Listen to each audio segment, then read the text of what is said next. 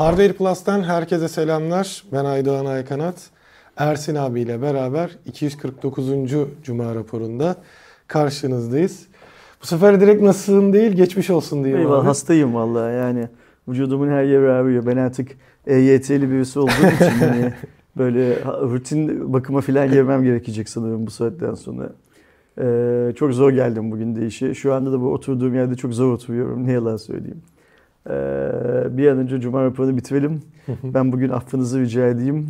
Eve kaçayım gideyim yat- yatayım biraz. Çünkü bugünü tamamlayamayacağım öyle görünüyor.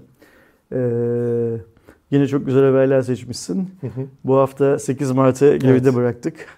Ee, son zamanlarda olduğu gibi 8 Mart'ta yine kadınların e, Dünya Kadınlar Günü kutlamaları engellendi. Evet 8 Mart için yapılan ilk şey hemen Taksim'i şeylerini, metroları kapatmak vesaire oldu. Ne, ne yazık ki hatta bazı tutuklamalar falan da oldu her zamanki gibi. Ee, Allah akıl fikir versin. Yani kadınlardan niçin bu kadar çok korkuluyor bilmiyorum ama kadınlardan eğer bu kadar çok korkuyorsa iktidar o zaman e, bizim kadınların önünü daha çok açmamız gerekiyor bence. Kesin. Ee, ve bu yıl bir umut değil mi? Son kez 8 Mart kutlamalarının Ben o şekilde paylaştım. e, Enge- engel- engellenen son 8 Mart engellenmiş olduğu şey e, bizim videonun sağ alt köşesinde de Anıt Sayacı'nın e, rakamları var. Hı hı. Yani akrabaları tarafından öldürülen kadınların Şu sayısı anda 49'muş. 49. Daha 3. ayın başındayız. Evet. Yani topu topu 90 gün bile olmadı. 50 kadın desek işte Evet. günde iki günde bir kadından daha fazla kadın e, öldürülüyor Türkiye'de. Eşi, abisi, kardeşi, babası filan tarafından ve çoğunlukla da namus cinayeti adı verilen e, durumlardan öldürülüyor. Bunun da tabii ki sonunun gelmesi lazım, sonlandırılması lazım. Çok ağır şekilde cezalandırılıp Kesinlikle. sonlandırılması lazım. Ee, galiba seçim tarihi falan da belli oldu değil mi? Evet şu an artık 14 Mayıs.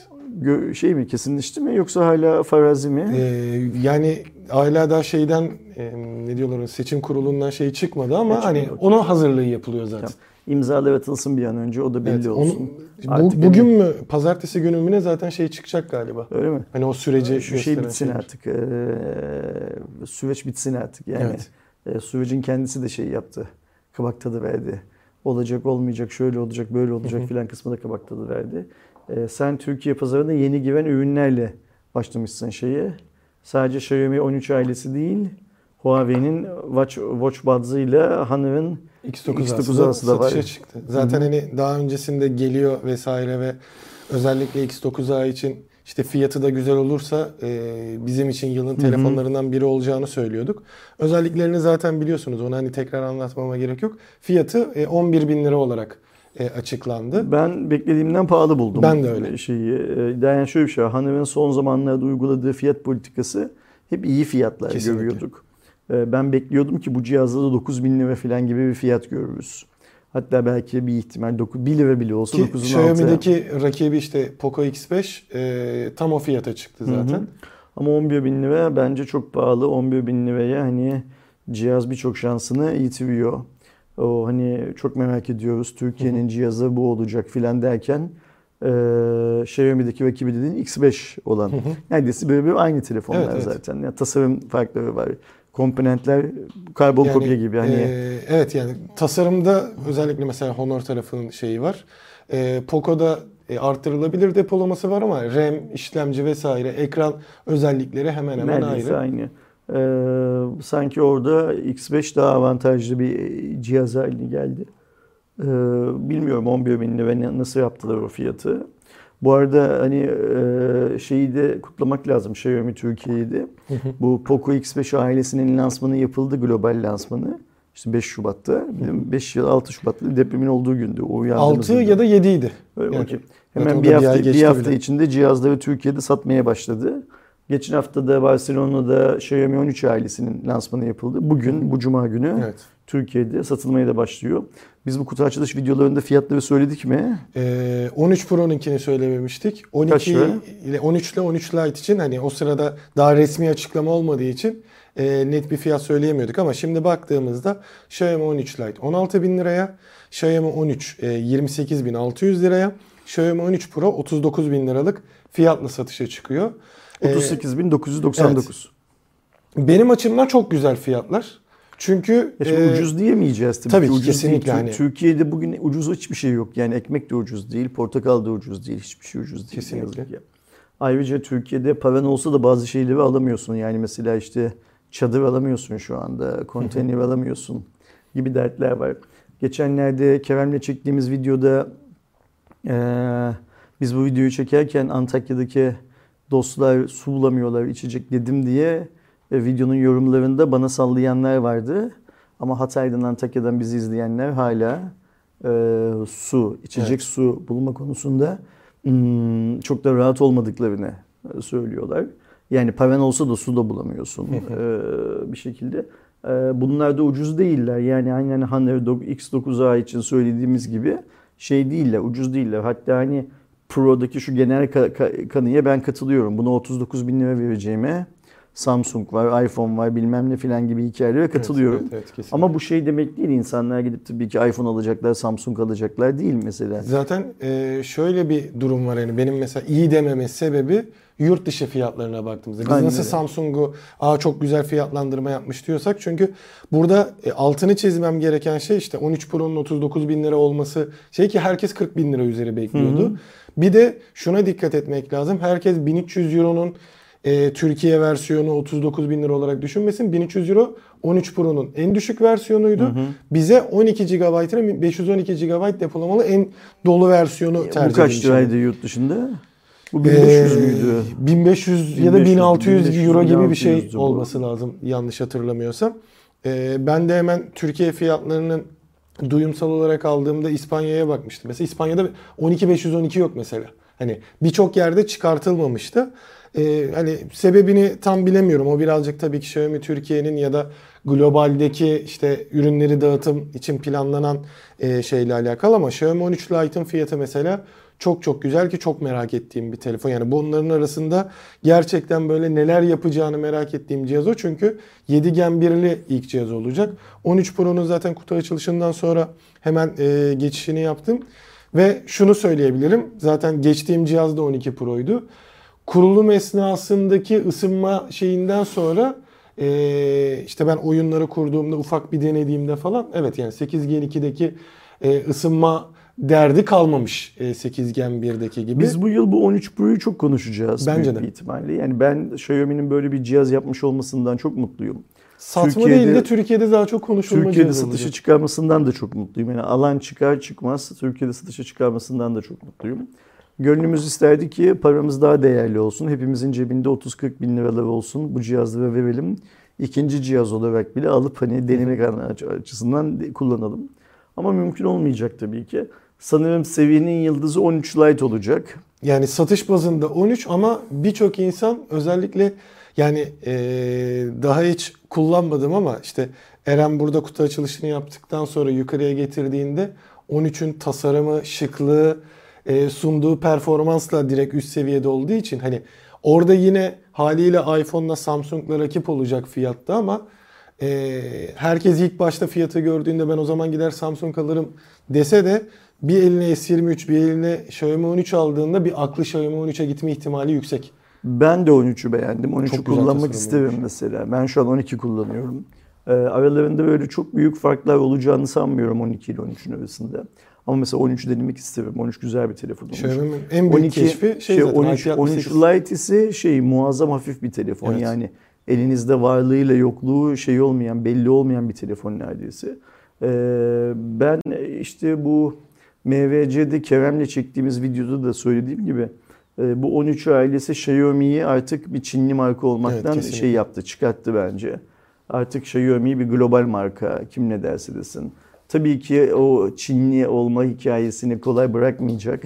Yani bu bir 3-4 yıl daha gider şey olarak. O kötü huyla diye Evet. gider. Ama e, ben e, Leica ile yapılan çalışmadan bu kadar kısa sürede ürün çıkıyor olmasından memnunum. Tabii dün bir de Dioxomark bu 13 Pro'ya puan verdi. Gördüğümüz kadarıyla kötü puan aldı. Evet, yani, yani- kötü dediğimiz 12 Ultra ile değil mi? 12S Ultra'nın 12S gerisinde yok pardon Mi 11 Ultra'nın gerisinde kaldı. Hala Hmm. da en iyi cihazı DxOMark'ın gözünde Mi 11 Ultra. Tam Leica'dan önceki dönemi.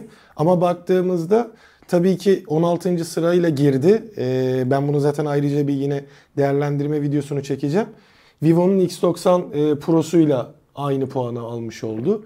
Önünde tabii ki işte Honor'u, Huawei'si, Huawei'nin hatta e, P- P50 Pro'su vesaire gibi yani şu Huawei'nin son Leica'lı telefonla buradaki Leica'da daha geçemedi. Birazcık daha yolu olduğunu görüyoruz ama şöyle bir fark var.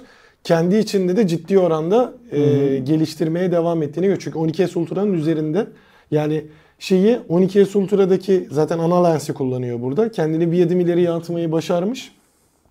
Ee, ki 12 Pro ile 13 Pro arasında da daha hani birkaç fotoğraf çektim sadece.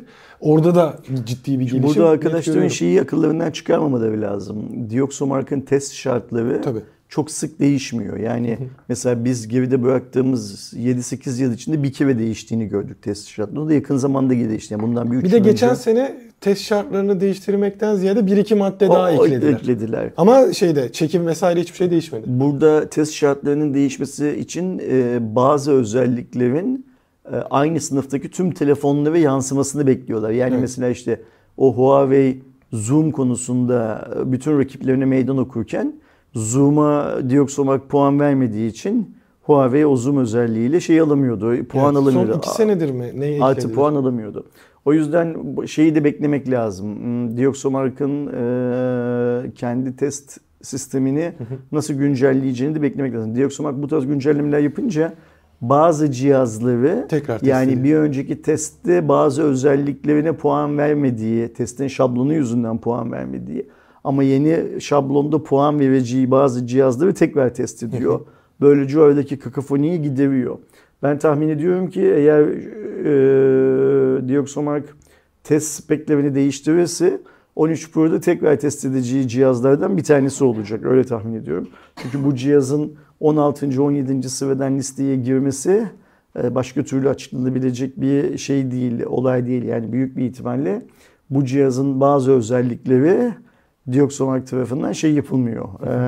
E, kategoriye alınmıyor, değerlendirmeye Ki alınmıyor. Mesela yani e, kendim işte dediğim gibi şu anda çektiğimde bu sefer çok daha fazla özelliğin olduğunu gördüm. Bir tabii ki işte 12S Ultra'da ya da 12S ailesinde gördüğümüz o otantik ya da vibrant seçeneğin var.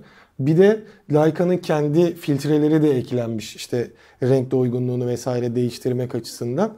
Ve ilk e, fotoğrafta böyle oha şahane dediğim şey e, zoom lensinin ne kadar güzel olduğunu gördüm gerçekten. Yani 2x ile 3.2x'i şeyden yapıyor, optik zoom olarak yapıyor. Orada böyle gördüğüm renkler vesaire gerçekten çok güzeldi.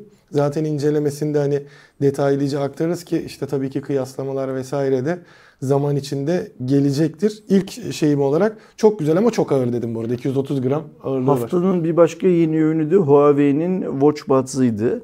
10 bin lira fiyatlı Evet. bir kol saati, kulaklık demek lazım. Ben bu Hibrit fikre e, uzak bakıyordum ama MVC'de cihazı görünce çok hoşuma gitti açıkça söylemek gerekirse. Yani e, benim tahmin ettiğimden daha hafif cihaz.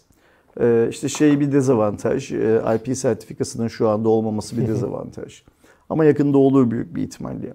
Benim gibi böyle sağda solda tabletini kulaklığını unutan adamlar için çok güzel bir cihaz. Çünkü sonuçta kulaklık şeyin içinde, saatinin içinde lazım olduğunda çıkartıp kullanıyorsun. Ve şarjı La- hep dolu oluyor. Lazım değilse e, çıkarmıyorsun, kullanmıyorsun. Anladığım kadarıyla, senden anladığım kadarıyla kulaklıklar çok iyi kulaklıklar değil ama yaban altında, yani kötü kulaklıklar da değil gördüğüm kadarıyla. Şeyi çok Benim beğendim. beklentimden çok daha iyi. O kadar küçük Ee, boyuta göre. Vücuttan o şeylerin Kontrolleri kon, kon, verilmesi. Çünkü kulak, küçük, kulaklık küçük olduğu için üzerinde panel yok, alan yok şey olarak. Ama o bin lira pahalı. Yani Huawei'nin bugün e, iyi olduğunu bildiğimiz bir kulaklığı ile iyi olduğunu bildiğimiz bir saatini satın almak kadar pahalı. Fakat işte bu ürünler deneysel ürünler. Eminim mesela bunun işte Watch Buds 2'de IP sertifikası da gelecek. Kulaklık da biraz daha iyileştirilecek. Saatinde işte bazı özellikleri eklenmiş olacak ve fiyat da yine çok fazla değişmeyecek. Yine bu cihaz bu civarlarda olacak. Yani e, bu bir nevi işte akıllı kol saatleri ilk çıktığı zaman nasıl pahalıydılar? Bu da kendi formunda o Evet, anlamda evet, evet, pahalı. bir gün daha alınabilir fiyatlı ve daha sonra sunduğu özelliklerle daha alınabilir fiyatlı ve gelecektir. Cihazı senden aldım senin inceleme videosunu çektikten sonra benim masamın üstünde. Bir kendime gelirsem kullanmak istiyorum cihazı çünkü şey e, Barcelona'da fuarda gerçekten çok beğendim cihazı. Ben de hani kullandığım süreçte e, tek gördüğüm işte e, eksi yanlarını zaten hani video yayınlandığında orada da göreceksiniz. Hafta sonu incelemesi yayında olacak. Makalede de detaylı açıkladım. İlk dikkatimi çeken şey batarya süresi olmuştu. E, 3-7 gün arası gidiyor sizin hani kullanım şartlarınıza göre. Ben de 3 gün, ya 4 gün gitti. Ee, o birazcık beni şaşırtmıştı. Çünkü ben Huawei'den hani bir haftadan aşağı şey Ama görmüyorum. burada o dört gün hem kulaklık hem Tabii. şey saat onu da unutmamak lazım. Başta bir ben mesela kulaklığın orada olduğuna alışmakta şey oldum. Yani işte otobüse biniyordum buradan giderken. Çantamdan kulaklığı alıp takıyordum. Aa sonra burada var. Ama bir otobüste ya da işte metrobüste hani kalabalık bir yerde siz buradan açıp kulaklığı çıkardığınızda bir insanlar hemen bakıyor ne yapıyor diye.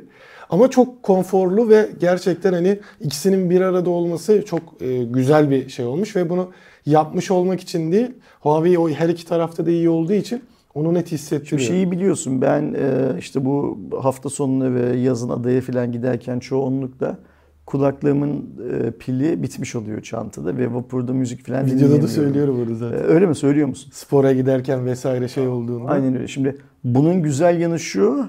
Kulaklığı yanıma aldım mı diye uğraşmıyorsun.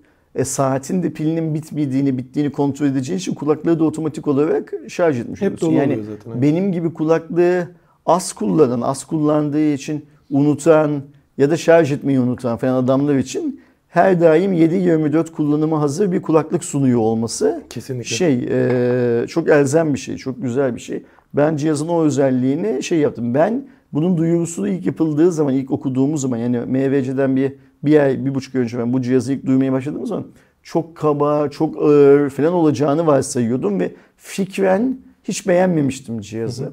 Ama orada görüp e, deneme şansı şey yapınca, bulunca Kaan bana şu şeyleri gösterince, e, vücuttan e, komutları nasıl yapıldığını falan gösterince aa dedim süper güzel bir Ki hikayeymiş şey de bu. yapmıyor bu arada. Hissetmediği durum olmadı hiç. Yani böyle farklı farklı noktalara denedim. Hani tabii ki uzak yaptığınızda görmüyor ama şu kulağınızın üstüne ya da şu üst tarafına vurduğunda her Üç türlü- komutu var değil mi? Ee, iki tane var aslında. Onu şey yapabiliyorsun yani iki kere bastığın, iki kere vurduğunda işte şarkıyı başlatma, kapatma, aramayı kabul etme, şey yapma.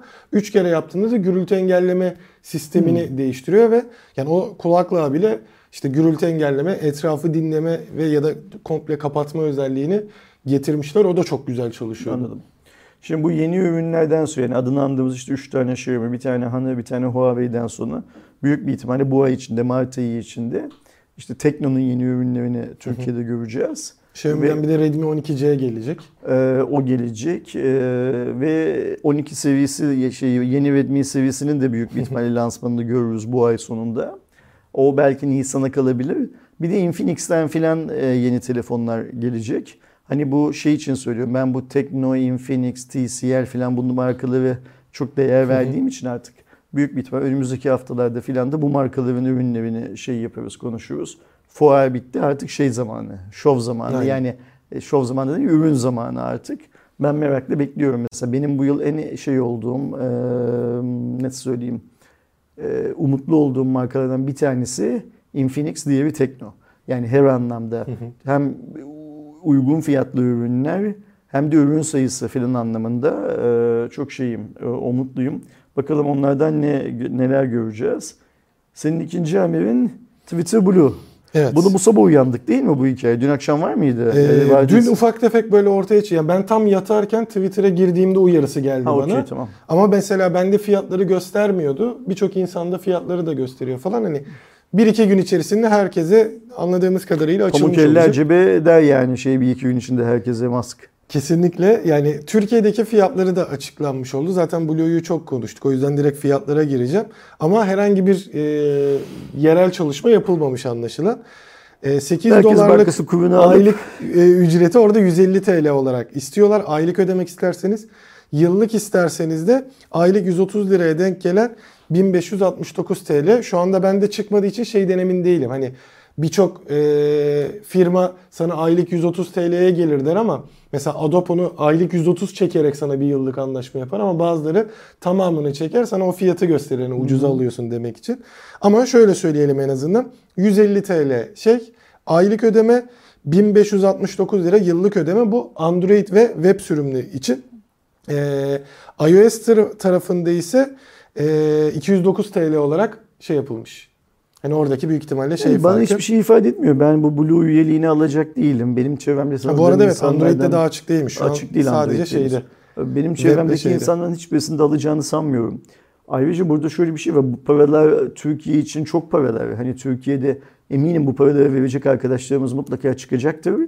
Ee, hani kimse almaz diyebilecek kadar e, emin değilim. Mutlaka bu paraları verecekler çıkacaktır ama biz tıpkı Netflix'in, Disney'in falan yaptığı gibi, Amazon'un yaptığı gibi bu Elon'un da e, Türkiye'ye özel bir fiyat yapmasını beklerdik ama işte adamın derdi bir an önce parayı toplamak olduğu için Türk lirayı versin, Alman markı versin. Ben bir an önce şu yatırdığım parayı toplayayım, başı baş noktasına geleyimin derdinde. Hayırlı olsun. Ee, ben hiç şeyi merak etmiyorum. Yani e, almak için mesela atıyorum bir tane video çekseniz Twitter Blue almak için 5 nedendesiniz. Ben oturup o videoyu izlemem mesela. Yani konudan o kadar şeyim. Ee, Yok zaten Almamak yok. için 5 neden diye bir video çeksiniz. O Onu da, izle- olabilir. Yok, onu da izlemem. Yani konudan o kadar şeyim e, uzağım. E, hiç umurumda bile değil e, neyin nasıl olduğu, ne yapacağı, ne edeceği filan.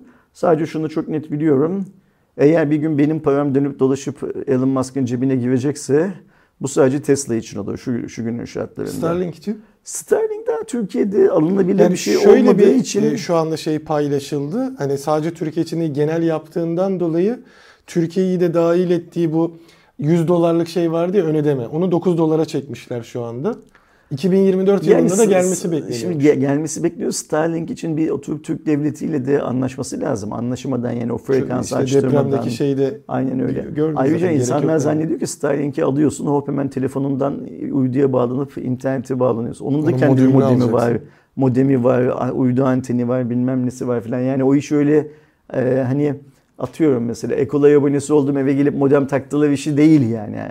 Şey zamanında anlamında. birazcık şeye benziyor. Ee, Kablonetin uydu netkenki versiyonu Aynen. gibi gelip çanak takıyorlardı. Ee, Hatırlayanlar vardır onu. Satışa çıktığı zaman, şartlar belli olduğu zaman konuşmam lazım kendi açı. Şu anda Türkiye'de olmayan bir üründen bahsediyoruz. Ayrıca şöyle bir hikaye var.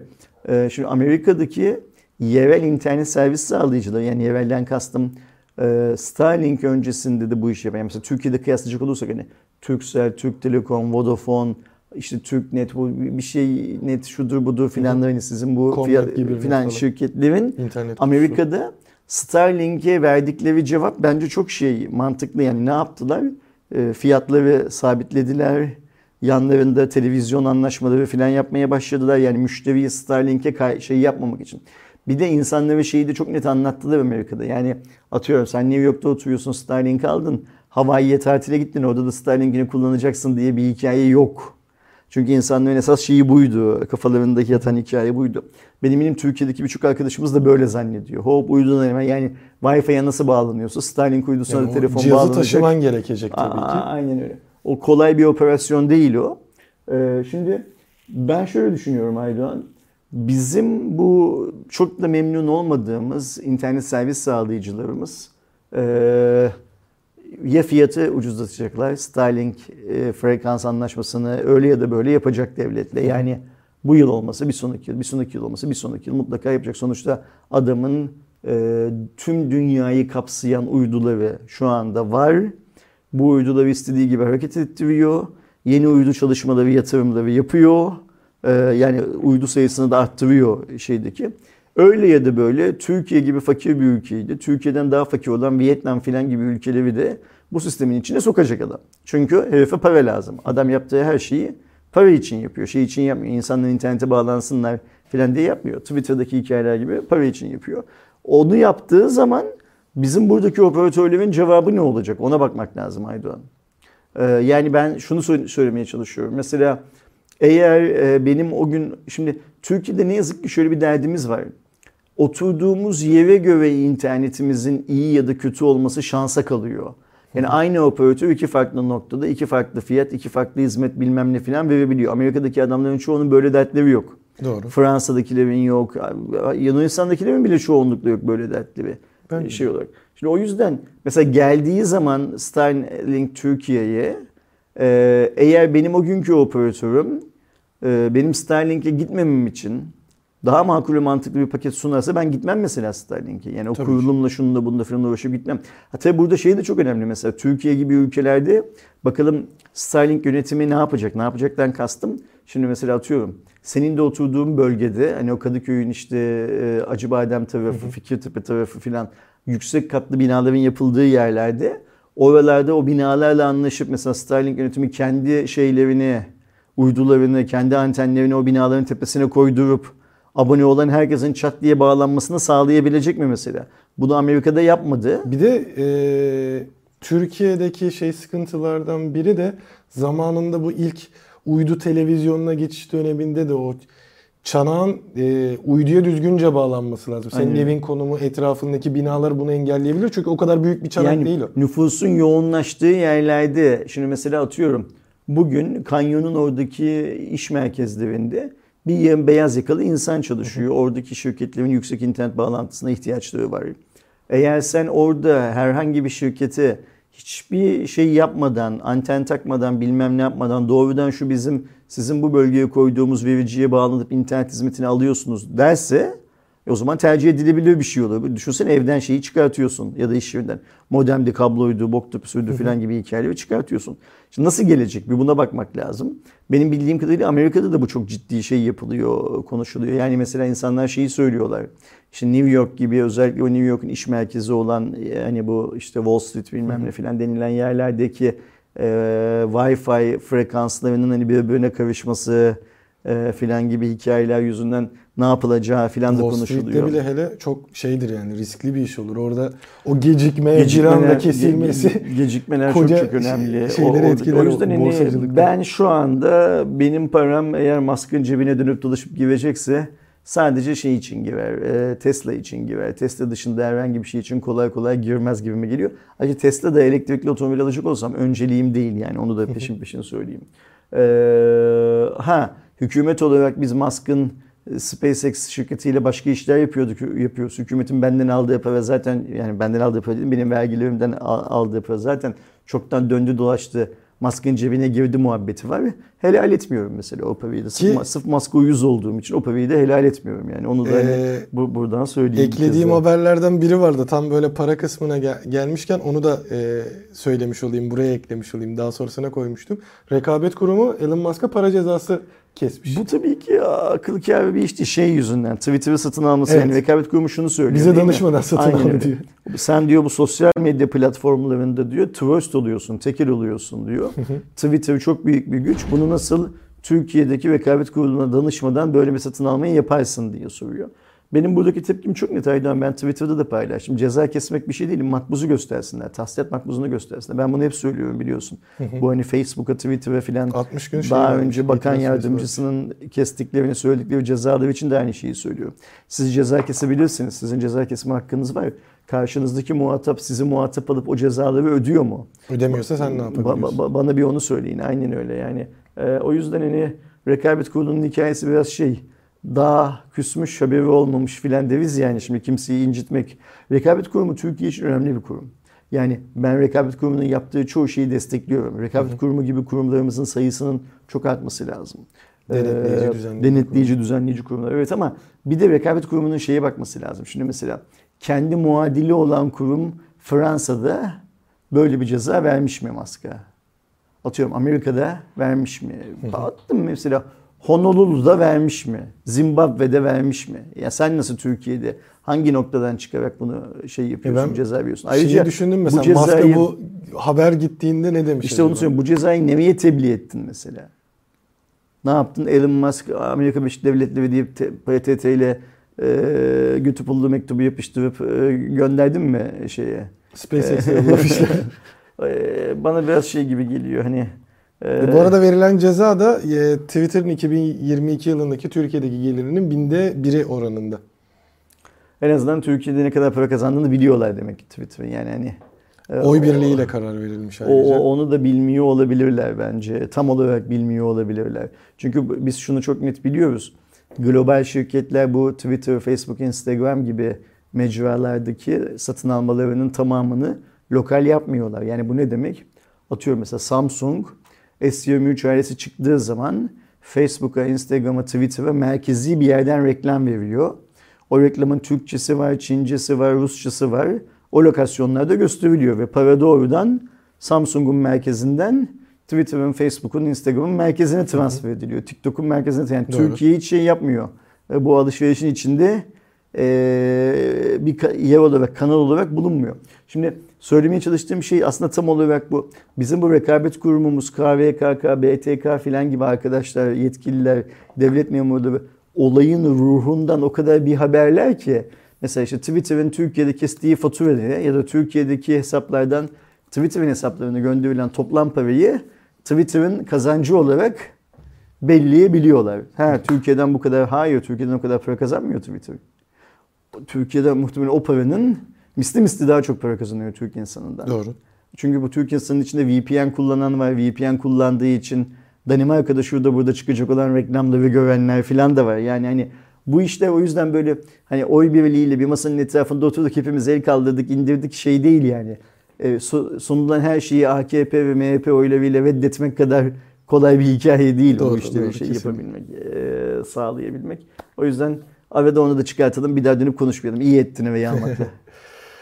Ee, YouTube'da bu ay itibariyle küfür kurallarında bir e, esneklik yaptı. Geçtiğimiz sene aslında baya bir katı hale getirip e, birçok insanın da yani globalde bir tepki almasına e, sebep vermişti. Hiç şey yoktu böyle sıfır tolerans gibi bir sisteme geçmişti. Şimdi kendi açıklamalarına göre direkt hani e, onların açıklamasını okuduğumda uygunsuz dil kullanımı ile ilgili kurallarımızı güncelledik. Videonun ilk 7 saniyesinde veya büyük bir kısmında küfür, örneğin sinkaflı küfür kullanılması reklam gelirinin devre dışı bırakılmasına değil, yalnızca sınırlandırmasına yol açar. Önce de içinde küfür varsa direkt engelliyordu. Bununla ilgili olarak daha önce yapılan duyuruyu aşağıda bulabilirsiniz demiş. Ve şeyleri de kullanabileceğin kelimeleri de söylemiş. İçeriğinde kaltak, yavşak, sıçmak ve bok gibi sözcüklerle yer verilen videolarda yeşil renkteki para kazanma simgesi bulunabilir. Artık ilk 8-15 saniyesinde küfür kullanılan videolardan reklam geliri elde etmeye izin veriyoruz.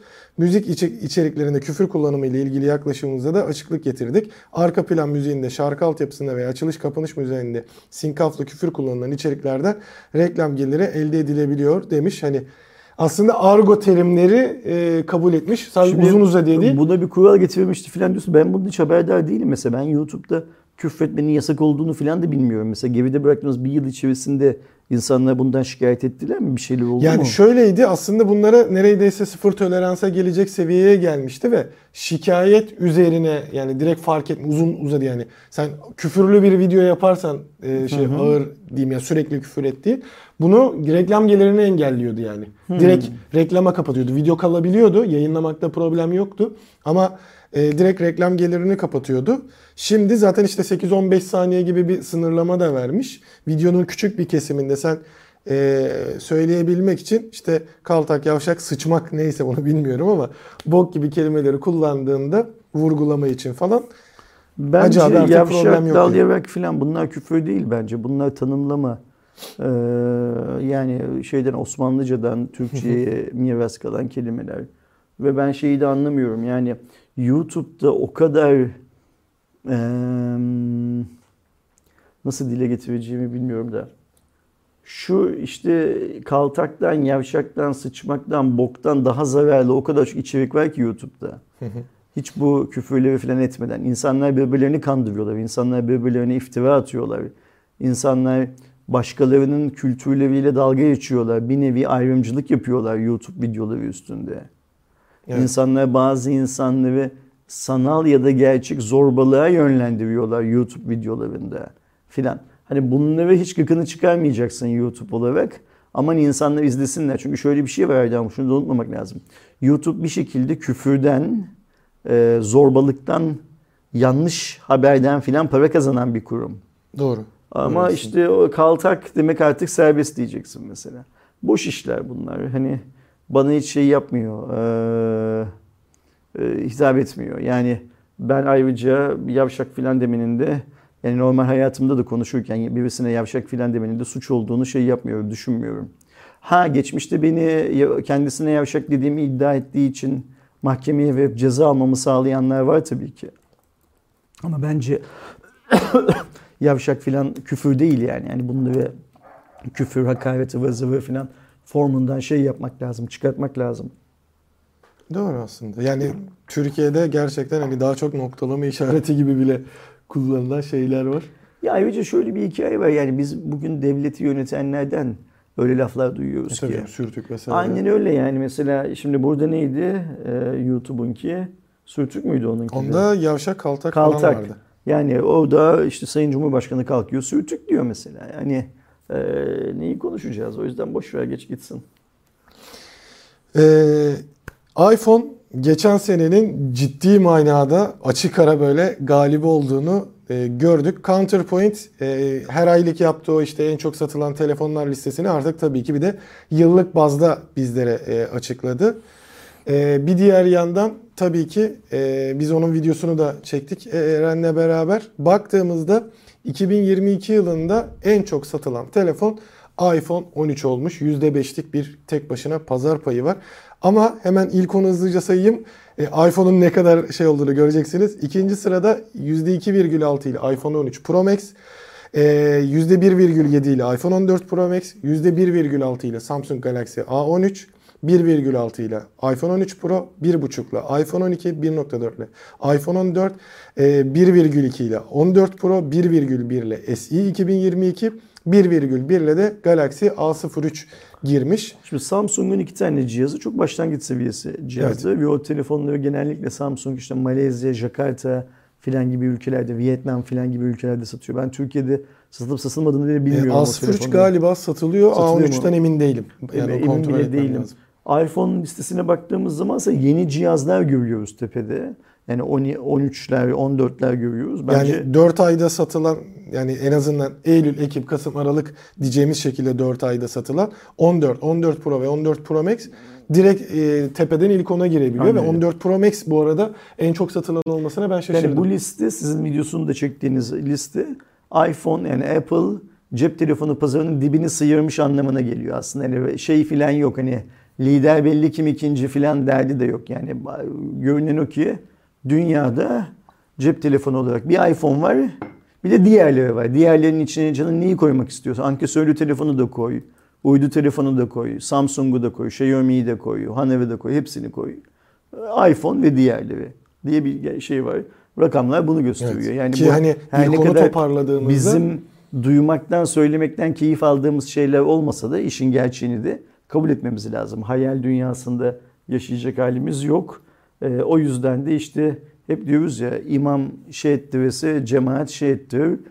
Apple ne yaparsa diğerlerinin de yani Samsung ve diğerlerinin de aynısını yapmak gibi bir zorunlulukları var artık. Ve Aydoğan bence e, atı alan Üsküdar'ı çoktan geçti. Bugünden sonra artık bu korelasyon şey olmaz bozulmaz. Yani, yani senin bahsettiğin gibi aslında iPhone'un bir bu SE'nin de altında olabilecek bir seviyeye girerse o zaman işler çok daha fazla değişecek. Ben bekliyorum biliyorsun. Geçenlerde bu hani şeyde Bloomberg'de çalışan ve Apple'ın içinden çok böyle gizli bilgiler alan herifin yazdığı şeyler o yıl olmasa bile bir iki yıl içinde gerçek çıkan bir zatı muhtemelen var ya. Onun şeyi söylemiş. Ben duymadım okudum sadece. Ee, böyle bir planın olmadığını çok şey teyit ettim demiş. Çok kesin bir yerden teyit ettim demiş. Ama ben hala bekliyorum. Bence Her Apple değişir o planlar. E, mutlaka bir tane orta segmentin tam ortasına konumlayacağı, yani orta segmentin üstüne falan değil, orta segmentin tam ortasına konumlayacağı bir cihaz mutlaka şey yapacak. Yani 900 dolar, 1000 dolardan başka insanlardan böyle bir 550-600 doları da düzenli olarak 550-600 doları olan 550-600 şey gibi Elon Musk'ın hikayesi gibi. Yani. Ee, Blue alsın, işte Starlink alsın, Tesla alsın ama alsın bir şey yani sürekli. Apple'ın da derdi o yani. yani 900 dolar olmayan 500 dolar versin, 500 dolarlık bir şey alsın. Ee, Ki, çünkü yani, insanlar Apple'dan bir şey almayı seviyorlar ve Apple'dan bir şey aldıkları zaman kendilerini bir şey zannediyor insanlar. Bu Ya Türk- o etkiyi mesela gerçekten şeyde değil. reklamcılık okullarında Hani okutulan bir şey bir. Dünyada bu gerçek yani bunu şey de yapmak için söylemiyorum işte kimseyi aşağılamak için bilmem Yok, ne yapmak yok. için falan da söylemiyorum. Yani Apple şu Amerika'da bazı belgeseller var. İnsanlar Apple Shop'a gidip mutlu oluyorlarmış Aydoğan. Ve e, psikologları yani psikolojik tedavi gör- görüyor bu insanlar. Ya da psikolojik tedavi yanlış oluyor. Bir psikologla görüşüyorlar. Psikolog onlara şey öneriyor. Kendinizi böyle çok e, kötü, keyifsiz hissettiğiniz zaman işte en beğendiğiniz Apple Shop'a gidin diye bir öneride bulunuyor. Yani iş bu aşamaya gelmişken artık hani öyleydi böyleydi şöyleydi diye konuşmanın bir şeyi yok. E, mantığı yok zaten. şey Hmm, hayırlı olsun diyelim e, şeye Steve'e. Adam para basmayı bırakmıyor. Yani e, hayırlı olsun. Güle güle kullansın. Allah harcamayı da nasip etsin. Ki hani benim dikkatimi çeken şeylerden biri Ocak'tan Ağustos'a kadar iPhone 13 birinci sırada. Eylül'de direkt iPhone 14 Pro Max birinciliği alıyor. Aralık'ta da iPhone 14'e geçiyor bu e, durum. Bakalım 2023'te bu nasıl bir sonuçlanacak? iPhone 14'lerin tepede olacağı zaten belli. Ama işte 13'ler vesaire girecek mi? Ya da iPhone 12'nin bu %1,5'luk pazar payı ne durumda olacak? Ee, ve bunun işte Türkiye versiyonunu da görsek güzel olur. Çünkü Türkiye'de de bence iPhone 12 vesaire gibi bir cihazın e, lider olmasını bekliyorum. Yani başka bir telefondan ziyade. Şimdi Yine biz Türkiye'de o rak- rakamları e, senin söylediğin gibi göremiyoruz her şeyden önce. Görebilsek e, belki şu anda bile ilk onda bazı iPhone modellerinin olduğunu rahat görürüz. görürüz, göremiyoruz. Bunu görmemiz için e, BTK'nın, markaların, Ticaret Bakanlığı'nın pazara bakış açılarını değiştirmeleri gerekiyor. Tüm dünyada açıklanan rakamlar mesela Türkiye'de niye açıklanmıyor? Yani yani biz bunu e, bütün markaların yöneticileriyle konuşmaktan sıkıldık. Hiçbir marka Türkiye'de kaç tane sırf cep telefonu, kaç laptop sattığını, kaç monitör sattığını mesela der ki ben Türkiye pazarındaki oyuncu monitörlerinin pazar lideriyim der. Ya bir de onu şöyle Kaç tane ya. peki sattın? Onu söyleyemeyiz. Ya bir de e, o veriyi çekebilmek için böyle iyice o şeyi daraltanlar da var işte. Oyuncu laptop sektöründe Tabii. e, harici ekran kartlı Türkiye'de- 14 inçler arasında en çok Türkiye'de sattı. tek ayak üstünde oyun oynayanlar bizim markamızı tercih ediyorlar. Mesela böyle bunu söylüyorsun şey olarak. Oyun oynarken burnunu kıvıştıranlarsa rakip markayı tercih ediyorlar filan gibi anlamsız böyle segmentasyonlar yapabiliyorlar. Ama ben de senin gibi düşünüyorum. Yani şu gün olmasa bile biz çok yakın bir gelecekte önümüzdeki 5-6 yıl içerisinde Türkiye'deki rakamları da çok net göreceğiz. Bunu ama BTK'nın web sitesinden göreceğiz ama belki Türkiye'deki araştırma şirketlerinin rakamlarından göreceğiz. Ve diyeceğiz ki evet bu yıl Türkiye'de en çok şu cihaz satılmış, bu cihaz satılmış. Şunu kabataslak biliyoruz. Samsung'un Türkiye'deki pazar payı %40'ın altına düşmüyor. Ya toplam pazarda %40'ın altına düşmüyor. Ee, ama Samsung dünyada olduğu gibi Türkiye'de de öyle S seviyesi, M seviyesi falan satamıyor zaten çok fazla. Hani onlar şey diyorlar diye bir yere en çok not sattığımız ülke Türkiye falan diyorlar diye. Ha evet ya istemem yan cebime koy yani hani. Ve o şeyi de ne derler lafı da yiyen kendisine de şey diyen teknoloji editörü diyen e, ne yazık ki aynı mesleği yaptığımız için utandığım adamlar vardı piyasada. Bunların hepsi kalktılar. Hiçbir kuşku, şerh koymadan bu lafın doğru olabileceğini videolarında, yazılarında, sosyal medya hesaplarında filan paylaştılar. Samsung %40'ın altına düşmüyor. Ama nasıl düşmüyor? Benim anladığım kadarıyla e, Samsung Türkiye çalışanları e, kendi primlerini garanti altına almak için ucuz telefonlarda şurada burada filan bir iki modelde çok iyi fiyat yapıp o %40 rakamının üstünde hep kalmayı başarıyorlar. Çünkü onlar galiba %40'ın üzerinde kaldıkları sürece yıl sonunda prim alabiliyorlar. Galiba emin değilim bundan. Ve o yüzden ne yapıp ne edip %40'ın üzerinde kalıyorlar. Xiaomi şu an Samsung'a çok büyük bir rakip. Yani Xiaomi, Poco, Redmi filan filan olarak çok büyük bir rakip. Gördüğümüz zaman da yani bir rakamları bir gün gördüğümüz zaman da satış rakamlarını Samsung'la şey arasında, Xiaomi arasında çok atla deve bir fark olmadığını da büyük bir ihtimal görürüz öyle tahmin ediyorum. Bu arada şey çok kötü bir şey. E, Kaç satıyorsunuz sorusunu Samsung'a da sorsan cevap alamıyorsun. Xiaomi'ye de sorsan cevap alamıyorsun. Sadece hani bir işte liderlik vesaire geldiğinde onu bir söylüyorlar ama ge- geçen sene zaten şeyi de gördük. Hem Xiaomi hem Samsung lider olduğunu açıklamıştı. O yüzden Bir bir- önceki yıl. Bir E, önceki yıl. 2021'de miydi o? Bir önceki yıldı. Yani Hani pandemiden durumlar da çıktığımız görürüz. yıldı. Ee, şimdi Gelelim Huawei kanadına. Huawei'nin biliyorsunuz zaten bu Amerikan ambargosu dediğimiz yaklaşık 3 yıldır devam eden bir süreci Saçma var. sapan bir ambargosu var. Ee, şimdi bunun birazcık Avrupa ülkelerine kayması ve özellikle Almanya'dan başlaması söyleniyor. Bir diğer yandan Hollanda'da da böyle bir ihtimal olabilir ama bu direkt işte e, Huawei'nin telefonlarından değil yine Amerika'da başladığı gibi aslında altyapı Altyapı. servisleri 5G işte 4G şimdi artık 6G'den de bahsedebiliriz. Telekomünikasyon altyapı servislerinde olacak gibi görünüyor.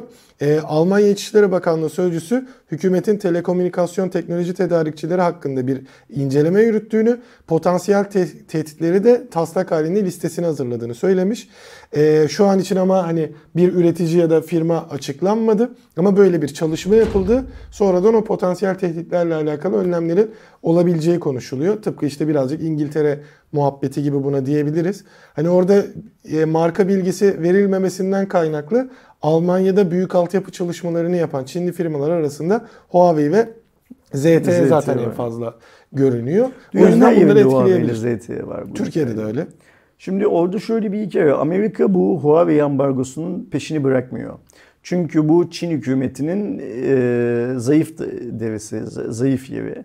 Ve her yerde, her ortamda Huawei'nin gırtlağını sıkmaya devam ediyor. Hatırlıyorsan daha önce İngiltere'ye çok bastırmıştı Amerika. Ve İngiliz işte galiba Altyapı Bakanlığı mıydı, Teknoloji Bakanlığı mı neydi? Huawei cihazların kullanımını yasaklamamıştı. Amerika'nın talebiyle gelen şeyi yasaklamamıştı. Hatta Amerika bir ara hatırlıyorsun Trump şey demişti. Bizim Avrupa'ya açılan kapımız İngiltere. E, makineler çok konuşuyor. Gerekiyorsa o konuşmayı keseriz. Yani biz kullanmıyoruz ama siz kullanıyorsunuz falan. Fakat sonra şöyle bir şey oldu. İngiltere'de çıkan gazetelerden okuduk ki bu gazeteler böyle büyük gazeteler. Vodafone kendi altyapısındaki Huawei, İngiltere'deki Huawei cihazların tamamını söktü mesela. Evet. Ve İngiliz hükümetinin böyle bir talebi olmadan söktü. Ve hatta yine biz İngiltere'deki bazı gazetelerde şeyi okuduk. O cihazların büyük bir ihtimalle Türkiye'ye gönderileceği, Türkiye Vodafone'a gönderileceğini filan okuduk. Şimdi Amerika cepheyi genişletiyor.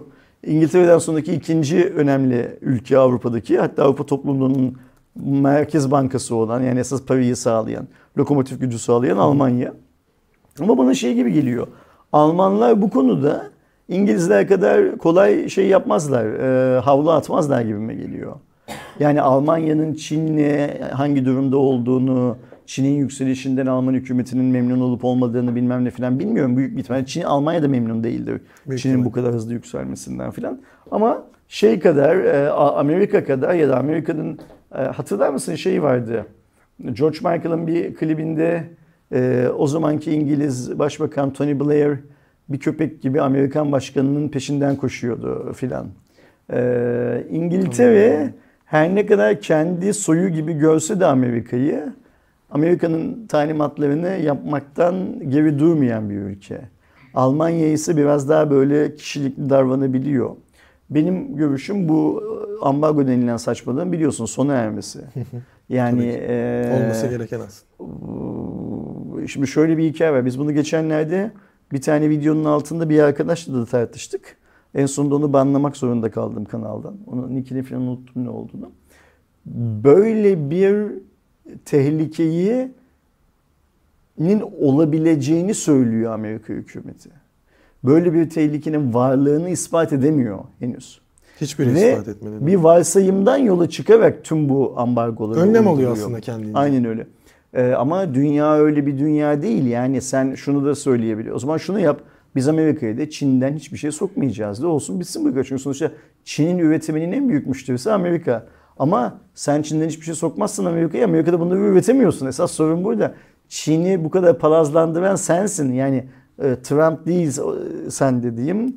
E, Biden değil ama sizin 5 önceki 10 önceki ülke, şeyiniz hükümet politikanız Çin'i bu hale getirdi. Teknoloji transferini siz yaptınız oraya. Niye? Amerika'daki asgari ücretin onda biri fiyatını orada insan çalıştırabileceğinizi gördüğünüz için. Amerika'daki insan hakları ile oradaki insan hakları arasında dağlar kadar fark olduğunu. Amerika'da iş mahkeme, işçilerin işçi mahkemelerine gidip iş mahkemelerine gidip haklarını savunmasının e, Çin'de olmadığını falan gördüğünüz için bunu yaptınız. Yani emperyal bir duyguyla, emperyal bir hisle bunu yaptınız. Ve Çin ilk önce çalıştı, sonra öğrendi, sonra kendi markalarını çıkarttı. Şimdi de kendi elinizle e, şey yaptığınız, yarattığınız bu canavarı, size göre olan bu canavarı e, zapturapt altına almaya ve ta- tasma takmaya çalışıyorsunuz Huawei aracılığıyla. O canavara tasma takmaya çalışıyorsunuz. Şov yapıyor aslında Bu, birazcık bu, böyle. bu mantıklı bir hikaye değil. Mesela Gaz bak, alma da yakın zamanda kalktı gazını alamadı, hızını alamadı. İçlerinde Xiaomi'nin de olduğu 5 tane markayı mı 9 tane markayı mı ne Çin ordusuyla ilişkili ilan etti hatırlıyorsan. Biz seninle bunun yayınlarını yaptık. Xiaomi gitti mahkemeye başvurdu. Amerikan mahkemeleri Amerikan Savunma Bakanlığı'nın bu sözünün doğru olmadığına karar verdi. O yüzden hani e, Amerika biraz şey yapıyor. Trump'la başlayan sürede zorbalık yapıyor. E, ben bu zorbalığın karşısında durmamız gerektiğini düşünenlerdenim. E, Huawei'nin herhangi bir suçu yok demiyorum. Huawei'nin iddia edilen şeylerin bir kısmını yapıyor olma ihtimali var tabii ki. Ama Google yapmıyor mu diye de bir şey yapmak lazım. E, Google her so- biliyor. Sormak lazım. O yüzden hani e, bence ben herkes adına, tüm Türk insanları adına konuşumum. Ben taraf olacaksam e, zorbalık yapandan değil, zorbalığa maruz kalandan taraf olmayı tercih ediyorum. Amerikan hükümeti Huawei'ye uyguladığı ambargolar konusunda e, somut bir şey masanın üstünde koysun, ikna olayım. Ben de o zaman bu şeyi e, ambargoyu desteklerim. Ama şu anda benim için şey Andersen'den masallar yani başka bir şey değil. Geldiğimizde yine Huawei'den devam ediyoruz zaten. Bu sefer işte telefonlar değil demiştik. E, P60'ın da vakti geldi zaten dediğimiz gibi artık Mart ayından itibaren her marka bir şeyleri bombalamaya başlıyor. Huawei'nin de beklenen telefonu tabii ki P60. E, özellikle kamera odaklı e, Mate 50 Pro'daki o güzel e, X-Mage ile beraber yaptığı şovun ardından bunu birazcık daha ileriye çıkarmasını ve X-Mage 2.0 ile çok daha iyi bir çekim vesaire yapmasını bekliyoruz. Şu an için e, 23 Mart tarihinde bir e, lansman olacağı söyleniyor. Hatta geçen hafta bir anda şey söylentileri çıkmıştı ama o kadar olmayacağını hani en azından sektörün içinde olarak düşünüyordum. İşte e, özel bir sürprizle e, Kongresi'nin son günü ikisinde bir orada duyuru yapabilir vesaire söyleniyordu ama e, bir davet etmeden hani bir anda biz bu telefonu çıkardık demeyeceği için Huawei'nin de o ihtimal düşüktü ama e, bu ayın sonunda P60, P60 Pro bir ihtimalle P60 Ultra'nın ortaya çıkması bekleniyor. Zaten belli başlı tasarım sızıntıları ortaya çıkmıştı. Burada da özellikle kamera noktasına ne yapacağı ve işte Honor'un e, DxOMark'taki liderliğinin ardından e, hemen tepeye geçecek mi? Ne gibi bir durum olacak? Video tarafı nasıl bir çözüm sürecek? Bunları bekliyoruz. E, işlemci olarak 8 Plus Gen 1 bekleniyor yine. Yani 8 Gen 2'nin olma ihtimali düşük ama bakalım nasıl bir sonuç olacak göreceğiz. Yani Huawei işte şey yapmıyor, pes etmiyor, havlu atmıyor. Ee, Evet belki hedef küçültüyor bilmem ne filan ama yoluna devam ediyor. Ben Huawei'nin yaptığı bu hikayeleri şey biliyorsun ben Huawei çok Huawei düşkünü filan bir adam değilim en nihayetinde. Ama hoşuma gidiyor yani hani mesela Huawei'den yeni amiral gemisi duymak, işte yeni kol saati görmek, yeni laptop görmek bilmem ne hoşuma gidiyor. Hatta şeyi de hep söylüyorum ya Amerikan Amerikan ambargosu yüzünden Huawei'nin laptop tarafındaki başarısı en çok HP'yi deli falan vurdu. Amerikan şirketlerini vurdu. Ee, hoşuma da gidiyor bu. Ee, Evet. İzlemek de hoşuma gidiyor. Ellerine sağlık. Ben eminim e, yeni Huawei amiral gemisi telefonlar da belli bir standardın üzerinde olacaktır büyük bir ihtimalle. Şey hayalim artık yok. Huawei'nin kendi e, işletim sistemiyle globalde bir iş yapacağının hayalini artık kurmuyorum. O bence benim gibi iyi niyetli insanları kandırmak için şey yapılmış, planlanmış bir pazarlama şeyiydi, e, tuzağıydı. Ben o tuzağa düştüğümü düşünüyorum. Ya şey gibi oldu işte. Hani e, Çinli firmaların çoğunun Çin ROM'uyla global ROM'u farklıdır ya. Direkt öyle bir şey yaptılar aslında. Yani ona çevirdiler orayı. Ben hayranlıkla izliyorum Huawei'nin yaptıklarını. Ya ama şöyle bir şey de söyleyebilirim açık yüreklilikle. Gerçekten Huawei'nin e, yani daha doğrusu biz işte teknoloji editörleri olarak da herkes de aynı şeyi söylüyor. Eskisi kadar heyecanlandırmıyor cihazlar. Çok daha e, benzer şeyler görüyoruz vesaire diye. Buradaki sevdiğim noktalardan biri Huawei P60 ailesi ya da Mate 50 de öyleydi. Beni hala heyecanlandırmayı başarıyor. E, bir işte mesela şu an Xiaomi 13 Pro heyecanlandırdığını söyleyebilirim. Çünkü e, videonun başında ya da işte Barcelona'da Ersin abinin söylediği gibi hani birazcık artık globale net bir şekilde oynama bir Beko gibi dünya markası olma hikayesinden kaynaklıydı. Huawei'nin ama teknoloji noktasında kamera teknolojilerini zorlaması, o, o senenin çıtasını belirliyor olması gerçekten benim gözümde değerli. Ben de merakla bekliyorum e, P60 ailesini. E zaten Tür Huawei Türkiye'de cihazları hızlıca getiren bir e, marka Türkiye'de. Gelsin Türkiye'de de neler yapacağını göreceğiz diyerek bir süredir konuşmadığımız TOG'a geldik. E, biliyorsunuz aslında Şubat ayında tabii ki TOG'un e, ön siparişe açması ve tahminen aslında Mart-Nisan gibi de teslimatların başlamasını bekliyorduk. Hayır daha önemlisi. Ön sipariş açtığı zaman fiyatın belli olması. E, tabii bir de o var. Yani bize Mart, Nisan gibi cihazları teslim edeceklerinin sözünü vermediler ama neyin sözünü verdiler? Ön siparişi açacağız dediler ve e, fiyat belli olacak hı hı. dediler. Şimdi, Şimdi tabii ki biz çok uzunca bir zamandan beri fiyat bekliyoruz her şeyden önce. E, depremin etkisiyle bu zaten tam NFT satışı oldu. Onu bir beceremediler. Ellerini yüzünü bulaştırdılar. E, sonra şey işte e, ay sonuna doğru da ön siparişin açılması ve fiyat beklentisi varken tabii ki hani e, bir ayı geçtiğimiz bir süreçte biliyorsunuz deprem e, felaketini yaşadıktan sonra orada da onlar e, birçok marka gibi yani iletişim ve planlarını durdurdular. E, uzunca bir aradan sonra TOG bir açıklama Depremle TOG'un ne alakası var? Yani biz bunu galiba geçen hafta Cuma raporunda yine konuştuk değil mi? Deprem bölgesinde TOG'un hiçbir şeyi yok, e, yatırımı yok. e, ya birçok marka gibi hani o sırada biz hadi TOG'u satıyoruz vesaire. Bir de onlar birazcık bunu anladığım kadarıyla görkemli şaşalı yapmak istediği için o sırada şey yapamazlardı yani. Örneğin e, işte Xiaomi'nin 13 ailesini ya da Poco ailesini tanıtmak için bir lansmanı varsa da iptal etmiş oldu işte sessiz sedasız çıkardılar. Bu çok sessiz sedasız çıkarılmayacağı için hani ben birazcık orada olabilir diyorum ama baktığımızda yapılan açıklamayı hemen hızlıca okumam gerekirse TOK akıllı cihazlarımız için ön sipariş sürecini web sitemizde More mobil uygulamamız üzerinden yakın bir tarihte başlatacağız.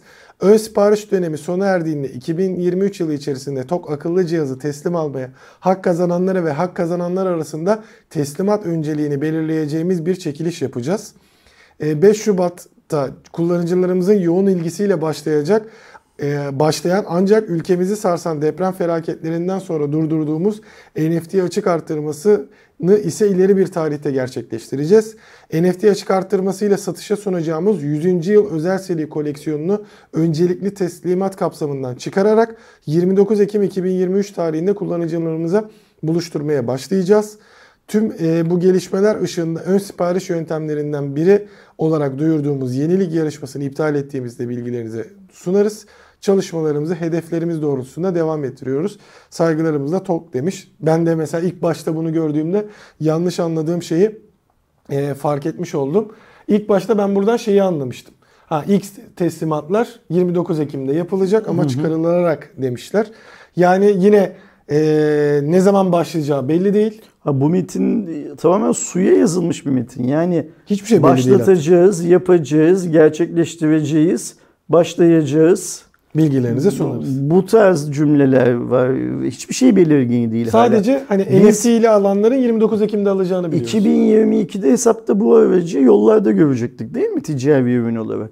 Sonra kıvırdılar 2023 dediler. Adını koydular 2023'ün Şubat'ında ön siparişler başlayacak dediler. Başlamadı. Fiyat hala yok. Ee, bir yığın, üretime geçildi mi belli Bir yığın elektrikli otomobillerdeki ÖTV ile ilgili düzenlemeler yapılıyor üst Çin'e üste. Çin'e ekstra vergi geldi. Çin'e ekstradan vergi geliyor. Artık Türkiye'de herkes şunu söylemeye başladı. Yahu tamam TOG diyelim ki bu aracı 1 milyon liraya satacak da adam Çin'den, e, Kore'den buraya otomobil getiriyor. O da 1 milyon liraya satıyor. Ee, nasıl oluyor bu işler filan demeye Ki şu anda hele hele benzer özellikler ee, olursa. TOG bir ara yurt dışı satışlardan filan dem vuruyordu. Ama e, Koreli'ye Kore'den getirdiği arabayı seninle aynı fiyata satıyorsa hem de Türkiye gibi neredeyse birebir verginin olduğu bir ülkede aynı fiyata satıyorsa Alman niçin senin arabanı bu kadar pahalıya alsın? Ee, gibi bazı başka yani hikayeler Volkswagen var. ID'si var. Bana şöyle geliyor Aydoğan. TOG'u seçimden önce eğer seçimde Türkiye'de iktidar değişirse TOG'u seçimden önce çıkartmazlarsa, satışa sunmazlarsa seçimden sonra işleri çok zor gibi geliyor bana. Çok ciddi söylüyorum bunu. Yani e, TOG biraz böyle e, kendisine şey yapılan, verilen opsiyonları çok çarçur etti. Çok çarçur, çok çarçur etti. E, ve hala TOG'un 5 tane yatırımcısı kamunun TOG'a yatırdığı kadar parayı TOG projesine yatırmış değil. Bunu da unutmamak lazım. Hala bugün itibariyle bile yatırmış değil. Ve e, şu açıklamadan ben hiçbir şey anlamıyorum. Bak mesela araba var mı? Bu açıklamadan anlaşılmıyor. Satılacak mı? Anlaşılmıyor ne oldu. Satılacak da ne zaman Fiyatı satılacak? ne anlaşılmıyor. Ve mesela teslimat önceliğini belirleyeceği çekilişten falan bahsediyor. Yani akıllı cihazı teslim almaya hak kazananları ve hak kazananlar arasında teslimat önceliği belirleyeceğimiz çekiliş falan diyor. Niye abi ben otomobil almak için çekilişe giriyorum? Ne, ne alakası var? Şeyle falan da anlaşsınlar. Pa, pa, parayla. Hürriyetle falan kupon olsun. Kuponu ilk biriktirip şeye gidenler. Yaysat yani. mıydı onları bıraktın? Yaysat ba, ba, Yaysat'a bırakanlar bir bu, sıra bu okuduğum hikayelerden bu iş çamura batacak gibi e, Ve 20 bin hedefleri vardı bu sene. Bakalım o ulaşılacak mı? Ha mesela aynen öyle denedim işte e, sayın sevgili genel müdür. Biz 2023 yılında 20 bin tane aracı üreteceğiz demişti. Mesela şu açıklamada teslim hala hatta teslim yani. edeceğiz Üretim miydi demişti. teslim miydi? Şimdi ikisi de farklı ee, şeyler. Şu açıklamada Emin değilim ama. hala o rakamın baki olup olmadığını da bilmiyoruz. Zaten şöyle bir şey olmalı. Hani tabii ki e, TOK ekibinde de depremden etkilenen orada yakın olan ya da belki bizzat etkilenen e, kişiler vardır. Hani onu e, şey yapmak lazım ama e, bir diğer yandan hani işin şey kısmıyla baktığımızda e, onların üretim bandında herhangi bir aksama olmamış olması lazım. Yani ya şimdi çünkü etki, şeyi görmedik. Hani biz... etkilenin olmasa bile tabii ki herkes gibi onlar da üzülmüştür. Falan tabii ki o çok ayrı. TOG'un bölgeyle doğrudan bir şeyi yok. Ayrıca tek olay TOG değil Aydoğan. Bunların şu bir süre önce müjdelerle duyurdukları şarj istasyonları, pil fabrikası filan nerede? Hani onların teker teker açılıyor olmasa ben ne Bolu'daki diyordum? şu an faaliyette mi bilmiyorum. Ben mesela. ne diyordum burada? Bu şarj istasyonları hayata geçmeden bu aracı satamazlar diyordum. İlk önce şarj istasyonlarının hayata geçmesi lazım. Arabayı alacaksın. Nerede şarj edeceksin? Götürüp evinde mi şarj edeceksin? Powerbank mi taşıyacaksın yanında arabayı şarj etmek için? Ya da o kendi yüzden, istasyonu varken işte gidip şeye mi gideceksin yani ZS işte Ya diğerlerine. gidersin gidersin o ayrı mevzu da şu an gördüğümüz kadarıyla Türkiye'de Zest ve diğerlerinin de 20 bin ekstra fazladan e, çünkü 20 bin demişti dedikleri için 20 bin ekstra fazladan elektrikli araca hizmet verme şansları yok gibi. Yani düşünsene bir elektrikli otomobilin ortalama şarj süresini 4 saat olarak şey yapsak, hesaplasak, haftada 4 saat diye hesaplasak, bütün bir haftada kullanımda. 20 bin tane TOG kullanıcılarına ulaştığı zaman haftalık 80 bin saat e, şarj ünitesine ihtiyacın var. Bu 80 bin saatlik şarj ünitesi süresini Zest vesaire vesaire şey yapabiliyor mu? Ne derler? ikame edebiliyor mu şu anda? Bana sanki ikame edemezler gibi geliyor. Yani 24 saat usulü üstünden çok iyi bir planlama bile yapılsa. Hı hı. O yüzden şarj istasyonu. Yani TOG olayında benim kafa gittikçe karışıyor. Ben en başından beri bu adamların daha şeffaf olmaları gerektiğini söylüyorum. Şeffaflığın şeysi yok. Ve şu yaptıkları açıklamada bizi uyutuyorlar gibi hissediyorum ben. Yani ee, hazırlıkların yapıldığını hadi şu şeylerle dediğimiz gibi vergilerle görüyoruz. Hani Çin'den gelecek olan araçları %40'lık bir ekstra şey gelmesi. Ama hani Türkiye'deki pazarda çok hareketleniyor. İşte Tesla'yı konuşuyoruz. Şimdi o %40'lık vergiyle özellikle Model 3'ün Çin'deki fabrikadan geleceği e, ihtimalin bir şey olduğu bu, bu sefer hani alınabilir bütçelerdeki hani günümüz otomobil fiyatları şartında lüks sınıfındaki e, Model 3'ün alınabilirlik fiyatının yükseldiği de tabii ki söyleniyor. Ama bir diğer yandan birçok Çinli firma tekrar geliyor. İşte Chery tekrar geldi. B, BLS'ye benzer tam adını hatırlamıyorum. BYD geliyor. filan boş ver. TOG yok ortalıkta. Hani işte yok burada rakipleri artarken ortalıkta. zaten şey olur çünkü. Ben kendim mesela e, diyelim TOG alacak bütçem vardı ya da kendimce TOG almayı planlıyordum bu kadar çok rakip geldiğinde benim de zaten kafam karışır ki. Ve şey değil yani. Bana bu iş şeye işte böyle bir şu an diyelim bilinmezlik yumağına doğru cebimde gibi geliyor. 1-1,5 milyonum var araba için e, ayırdığım. E adam bana diyor ki şimdi çekilişle belirleyeceğiz. E ben aldığımda Mart'ta Nisan'da alırdım. Hani 1-2 ay beklerim hani yerli arabayı alayım diye düşünürken şu an bu sene içinde ne zaman alacağım belli değil.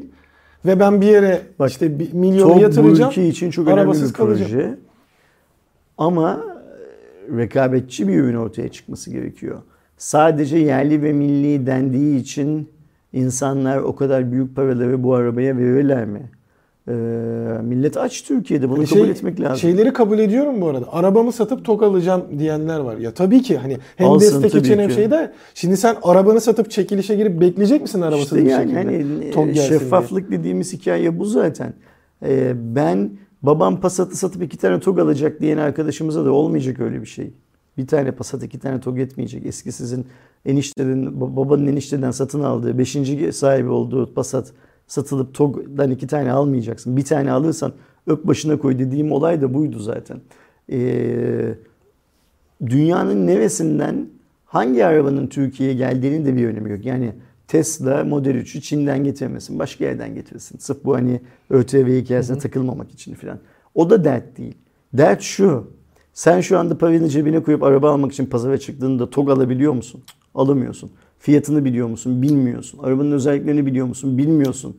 Ee, renk paylaştılar mı insanlarda? Başka bir şey paylaşmadılar mı insanlarda? Renk menzil. Yani hani bu böyle bir iş olur mu? O yüzden diyorum ki eğer iktidar önümüzdeki seçimlerde değişirse ve bu arkadaşlar seçime kadar TOG'u bir tane bile satamazlarsa seçimden sonra bunların işleri çok zor gibime geliyor.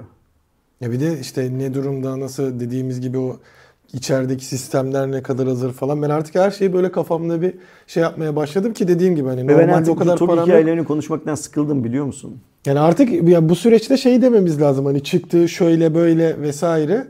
Ee, Çıksa da bir an önce alalım dediğimiz otomobilden aman nalet olsun denecek noktaya geldim. Sırf evet, şu adamların Mesela benim şu an e, alabilecek param bilmez- olsaydı beklemezdim artık. İş bilmezlikleri yüzünden. Kim bu adamlar? Hepsi okumuş çocuklar bilmem ne filan diye Almanya'da, İtalya'da, Avusturya'da, Fransa'da aldıkları euro bazlı maaşın 4-5 mislini TOG'a transfer edilen yönetici kadrosundan bahsediyorum. Neyse geçelim. Bakalım. Yani e, bir diğer yandan biliyorsunuz e, Martı'yla taksicilerin vesaire bir çekişme durumu vardı. Bununla alakalı da e, Martı'nın TAG diye tek araçla gidelimin kısaltması olan bir sistem var. Yani Martı'nın içeriden hiç şey almadığı bildiğim kadarıyla kesinti geliri almadığı. Sen diyorsun ki işte ben e, Kadıköy'den Kavacık'a geleceğim. Ee, bana araç lazım. O güzergahta olan biri işte kabul ederse anlaştığınız fiyata sizi getiriyor ve direkt hani elden ödüyorsun işte hiçbir Fiyatı da kesinti sen vesaire- belirliyorsun. Evet. Karşılıklı belirlemiş oluyorsun. Bununla alakalı korsan ta- taşımacılık yaptığı iddiasıyla Martı Tek ve Martı Motosiklet hizmetlerine yönelik e, erişim engeli geldi. İstanbul 14. Asliye Ticaret Mahkemesi tarafından. Bunu yapan da İstanbul Otomobilciler Esnaf Odası'nın avukatları tarafından yapılan verilen dilekçe sonucunda böyle bir Ve şey hangi çıktı. gün yapıldı bu? Martı'nın Amerika'da borsada işlem görmeye başladığı güne denk düştü. Bu Nasdaq'ta artık şey yapılmaya şey, başlandı. e, yasak hikayesi. Ya biz bu yasakları çok konuşuyoruz. Şimdi Ben Martı'nın hayvanı değilim. Ama ayıp hani bu bu, bu Bir de şeyi bilmiyorum şu anda. Ee, Ben Martı'ya girdiğimde girebiliyorum. Çünkü bir Martı'nın uygulamasına girdiğinde bir Martı Scooter kısmı var. Bir de bu kısım var. Şimdi bu kısma mı engelleme geldi? O nasıl oluyor onu Hiç anlamadım. bilmiyorum ne olduğunu. Bu engellemeler engellemeler şey değil, sorun değil, çözüm değil. Ayrıca eğer e, Martı'yı e, Türkiye Cumhuriyeti Devleti kendisine muhatap alıp konuşacaksa o zaman Uber'i de muhatap alıp konuşması lazım. Niye sadece Martı? Çünkü Uber'in şimdi kurye hizmeti de geldi. Uber'in sistemiyle Martı'nın sistemi aslında birbirinden çok da farklı değil. Yani Martı'da sen biraz önce ne anlattın? Ben diyorsun e, Kadıköy'den Kavacık'a gideceğim. Sana birisi seni 10 liraya götürürüm diyor. Tamam diyorsun. Giderken gel beni de al. Götür gidiyorsunuz. Uber'de de ne diyordun? Ben şu noktadayım. Şu noktaya gideceğim. Sana tahmini bir fiyat çıkartıyordu. Kabul edersen otomobil gelip seni alıyordu. Yani e, bu hikayeleri böyle yasak, ekşi sözlüğü yasaklayalım. Martı Tog, ne, Tog muydu? Tag, Tag. mıydı? Martı Tag'ı yasaklayalım. Onu yasaklayalım, bunu yasaklayalım da filan çözemeyeceğimizi anlamış olmamız gerekiyor artık. Ki bunun işte Bu şey motosiklet çözümsüzlük- versiyonu da var. Çözümsüzlük süreçleri bizi çok fazla O zaman yoruyor. e, buradan yok. şeylere söyleyeyim. Otobüs firmalarına söylemiş olayım. Şeyin adını unuttum. E, aranızda hatırlayan var mı bilmiyorum ama Bunun şey şehirler arası versiyonu vardı. Hani Onlar da onu şikayet ben etsinler, değil diyorsun mi? ki hani ben işte işte İstanbul'dan Aydın'a gideceğim. Ee, oradan şeye de bakabiliyorsun. Senin yolun üzerinde giden biri ya da direkt oradan oraya gidecek biri. Konuşuyorsun, parayla anlaşıyorsun. Adama arabaya bindiğinde parayı veriyorsun. Beraber seyahat etmiş oluyorsun. Yok, başka bir şeydi onun adı. O film. Böyle şey de var, uygulamalar var ya. İşte onun adını unuttum. Neyse bilenler zaten eee, şeyde yorumlara da yazsınlar. Bunun şehir içi versiyonu bu aslında. Hemen yasaklayalım. Onu da Onu da gitsin işte şey otobüs eee ya şehir, şehirler arası otobüs Çift federasyonu ne kaşarlı varsa. dilli tostu da yasaklayalım. Niye çift kaşarlı dilli tost yapıyorlar? Yani. Karnım acıktı o yüzden. şey yani her şeyi yasaklayalım. Yasaklamadıklarımız da bizim olsun. Kadınların 8 Mart'ta sokağa çıkmalarını yasaklayalım. Öğrencilerin niye bu üniversite demokrat bir şekilde yönetilmiyor demesini yasaklayalım. Her şeyi yasaklayalım. Martin'in dediğim gibi şeyi değilim, hayranı değilim. Ee, bu Türkiye'deki Getir, Martı, Yemek Sepeti bilmem ne filan gibi kendisine teknoloji şirketi diyen hatta Turkcell, TOK filan gibi de kendisine teknoloji şirketi diyen şirketlerin hiçbirisinde teknoloji şirketi olduğuna filan inanmıyorum. Ama bu yasaklama hikayesi çok garip gerçekten. Yani hemen bir yasaklayalım. Hemen bir yasak. Hiç anlamayalım. Mesela işte şey de öyle biraz önce konuştuğumuz rekabet kurumunun Elon Musk'a verdiği ceza da öyle. O da yasaklayalım yerine cezalandıralım hemen filan. Ee, hiç olayın şeyini anlamayalım. Ee, bu ihtiyaç nereden çıkmış? İnsanlar niye bunu tercih ediyorlar? Burada parayı kim kazanıyor? Nasıl kazanıyor? Kazanılan parayı vergilendirmek mi daha mantıklı? Kazanılmasını engellemek mi daha mantıklı filan. Bu tarz şeyleri hiç kafa yormayalım. Elimizde bir tane kılıç var. Vuralım kafaları Evet. gitsin. Yani Güzel. çözümü sadece aman eee, yasaklayalım olması çok saçma. Neyse biz teknoloji kısmına döndüğümüzde eee, videonun başında söylediğimiz gibi özellikle Xiaomi 13 Lite 7 Gen 1 ile Türkiye'de satışa çıkan, resmi satışa çıkan ilk cihaz oldu ve benim gerçekten işlemcisinden dolayı da çok merak ettiğim bir cihaz. 7 Gen 1 778G'nin tabii ki artık güçlü ve artık bu Gen serisine geçilmiş hali. E, Türkiye'ye daha bu yeni giriş yaparken e, Qualcomm tarafı da SM7475 e, kod adlı 7 Gen 1, 7 Plus Gen 1'i sunacak. Yani aslında e, Snapdragon'ın 8 serisinde gördüğümüz o pluslı işlemciler 7'ye de geliyor ve yapılan e, açıklamaya göre de Hatta Digital Chat Station'ın söylediği ve e, Xiaomi'den alınan bilgilere göre 7 Plus Gen 1, 8 Plus Gen 1'in birazcık böyle e, enerji verimli hali olacak. Yani 7 Gen 1'in hız aşırtılmış hali değil, 8 Plus Gen 1'in aslında biraz dizginlenmiş hali olacağı gibi iddialı Buradan bir da söylenti şey var. çıkıyor ortaya. Aslında 7 Gen 1 ile 7 Plus Gen 1 arasında çok büyük bir fark olduğu anlıyoruz. Kesinlikle şey olmalı ve baktığımızda saat hızının düşürüldüğü 8 Plus Gen 1'de 800 MHz'lik e, Adreno 730 e, 580 MHz'de çalışan 725 GPU alacak. E, ve e, söylentiler Dimensity'deki yani MediaTek'teki rakibi Dimensity 8200'den daha iyi bir performans vermesini ve 4 nanometre sürecinden geçerek karşımıza gelmesi bekleniyor. E, ve tabii ki şeye alıştık. Yani Qualcomm'un ilk e, işlemcilerini kullanan ilk cihazlar Xiaomi oluyor. Xiaomi oluyor. Burada da Redmi Note 12 Turbo'nun bunu kullanması ve e, Poco F5'in 7 Plus Gen 1 ile gelmesi e, globalde bekleniyor. Tabii ki diğer cihazlarda bunu kullanmaya başlayacaktır ama ben bu habere gerçekten sevindim. Çünkü e, bizim gibi ülkelerde artık işte 8 Gen 1, 8 Plus Gen Aynen 1, öyle. 8 Gen 2'li cihazlar çok pahalı. E, videonun başındaki konuştuğumuzu yine buraya getirdiğimizde bize 7 Gen 1'li 13 Lite artık çok mantıklı hale geliyor birçok insan için. Ya da 7 Plus Gen 1'li gelecek olan başka telefonlar. Aynen işte Poco F5'i konuşuyor. İşte X'leri konuştuk. Herkes zaten F5'leri de soruyordu ya ne zaman gelir diye. Geldiğinde bu tarz cihazlar önemli olacağı için bunların performansının ciddi artışı bizim için sevindirici bir durum.